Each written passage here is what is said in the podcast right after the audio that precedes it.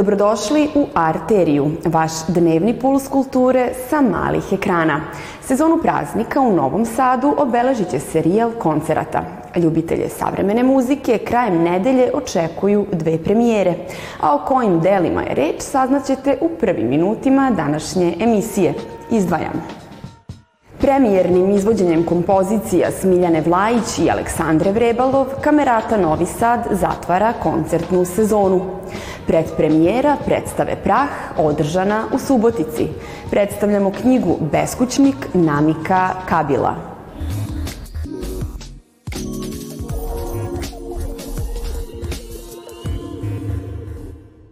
Ansambl Kamerata Novi Sad zatvorit će koncertnu sezonu 22. decembra.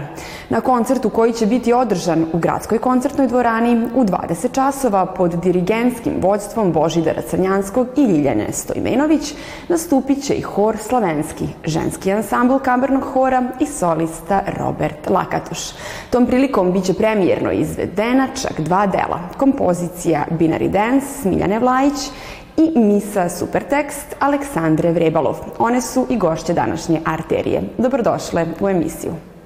Vaša kompozicija Binary Dance nastala je kao rezultat razmišljanja o upotrebi veštačke inteligencije u savremenom svetu. Na koji način ste je vi doživeli i utkali u ovo delo?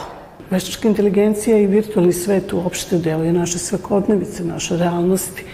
E, ono što e, je u ovom trenutku meni bilo bitno, to je da prosto se obratim mlađoj tineđerskoj populaciji e, sa prosto jednom, jednom porukom da taj svet koji se upravo razvija, koji je nama još uvek na neki način nepoznat i veoma smo kratko zapravo u dodiru sa njim, da prosto eto na neki način skrenem pažnju da način njegove upotrebe i način na koji će se on koristiti ovaj, treba uzeti sa, sa veoma velikom rezervom zapravo e, od toga kako se koristi i na koji način mu se pristupa, od toga će zavisiti rezultat kakav ćemo dobiti. U ovoj kompoziciji za koju ste nedavno dobili prestižnu nagradu Gravi Mejer spajaju se različiti stilovi i tradicije i ističe povezanost svega na našoj planeti.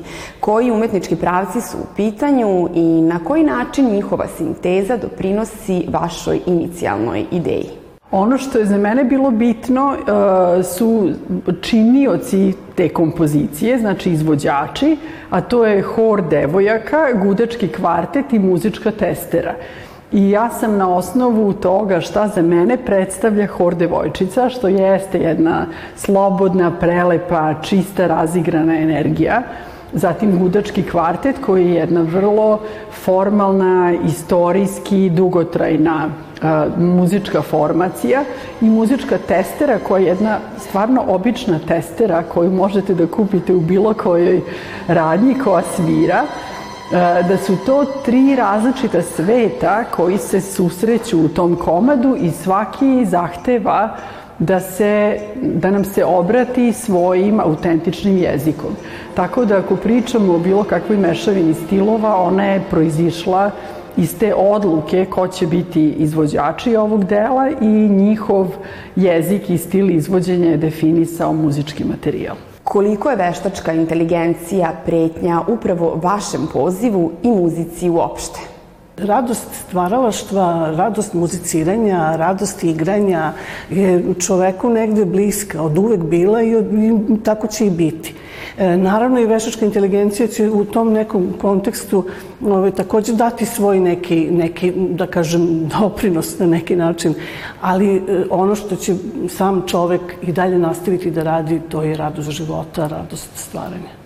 U petak nas očekuje evropska premijera ovog dela koje je već izvedeno u Americi. Kakve su bile reakcije i da li mislite da se doživljaj iste kompozicije razlikuje kod publike u različitim delovima sveta upravo zbog različitih kulturnih obrazaca koji se neguju u određenom kulturnom prostoru? Reakcija publike u Americi je bila a, divna zato što opet te devojčice koje su to izvodile, one su svojim poletom nekako prenele tu veselu, a, divnu energiju na sve koji su bili prisutni I to je bila svetska premijera dela, što je uvek vrlo svečano, tako da smo mi tamo dobili uh, ogroman aplauz, ovacije, čak je bilo i smeha, tog radostog smeha u publici kada se komad završio.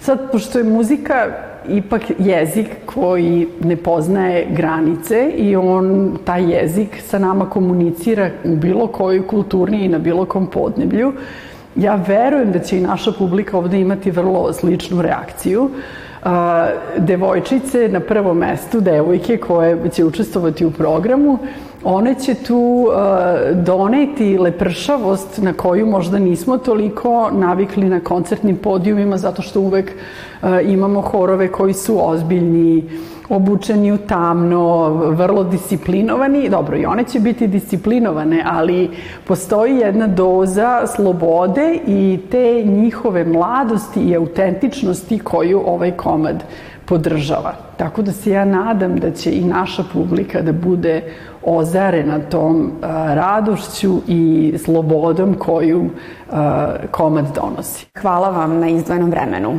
Podsjetimo, koncert Kamerate Novi Sad održat će se u petak 22. decembra u gradskoj koncertnoj dvorani s početkom u 20 časova. Istog dana poštovao se džeza očekuje pravi spektakl. U svečanoj sali gradske kuće u 19 sati nastupit će Gregori Gainer Trio. Ulaz je slobodan i to je jedan poklon svim novosađanima i ljubiteljima džez muzike da dođe i prisustvuju jednom lepom zatvaranju muzičke sezone koja ove godine broji ukupno 30 koncerata različitih žanrova. Veoma je bitno spomenuti da je u pitanju ujedno i učvršćivanje gradova pobratima. U pitanju su grada Dortmund i Novi Sad koji unazad već godinama zajedno stvaraju saradnju na više područja, kako na jazz festivalu, ugošćavanju njihovih umetnika, tako i na letnjoj jazz akademiji.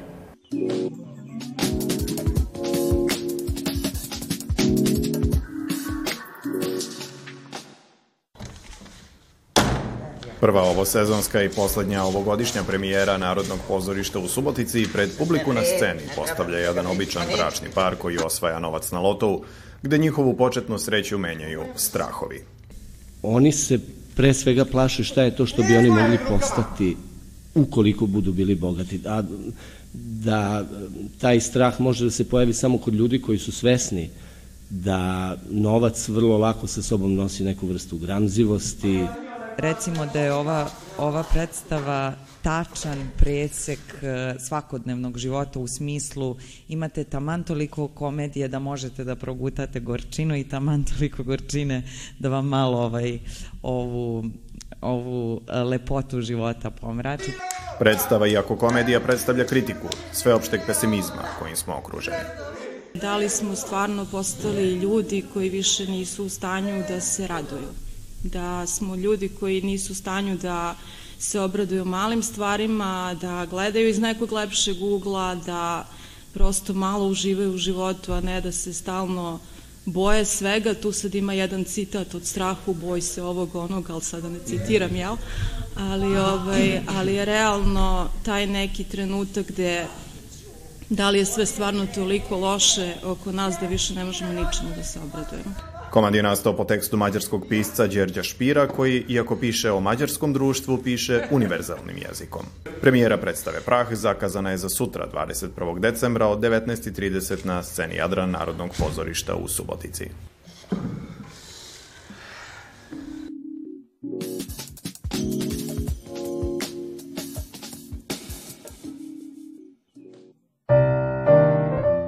Najnoviji duboko emotivan autobiografski roman Beskućnik pisca i filmskog reditelja iz Sarajeva Namika Kabila u izdanju akademske knjige na tragu je vrhunske bosansko-hercegovačke pripovedne proze.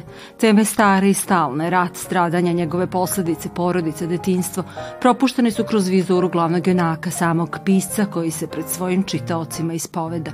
Natopljene nostalgijom za proholim životom, setnim sećanjima na roditelja, potom i ostale životne događaje, vizualno upečatljive stranice pričalice o životu koji je nestao zauvek, nalik su na pokretne slike koje se smenjuju čekajući da ožive.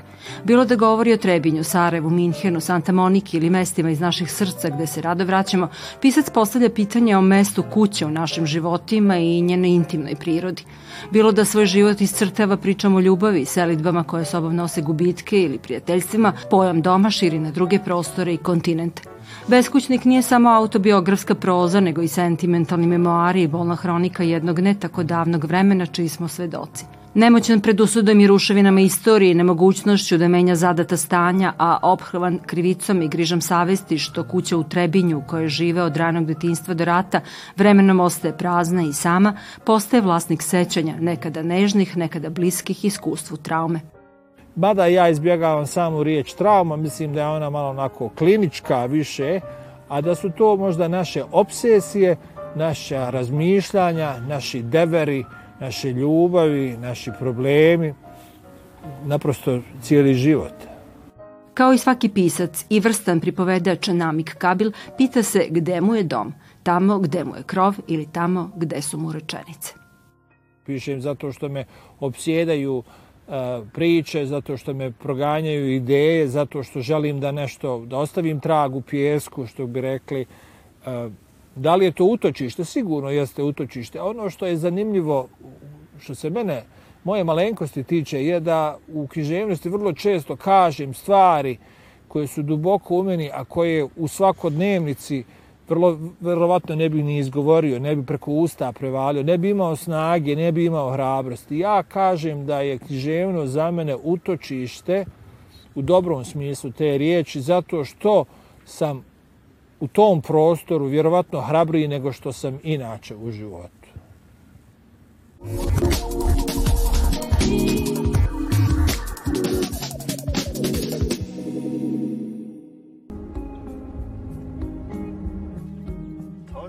U bioskopima širom zemlje od sutra je na repertuaru ovogodišnji dobitnik Srebrnog medveda na Berlinalu, film Crveno nebo nemačkog reditelja i scenariste Kristijana Pecolda.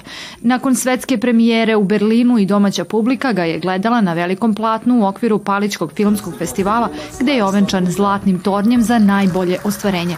Gost festivala bio je glumac Langston Uibel.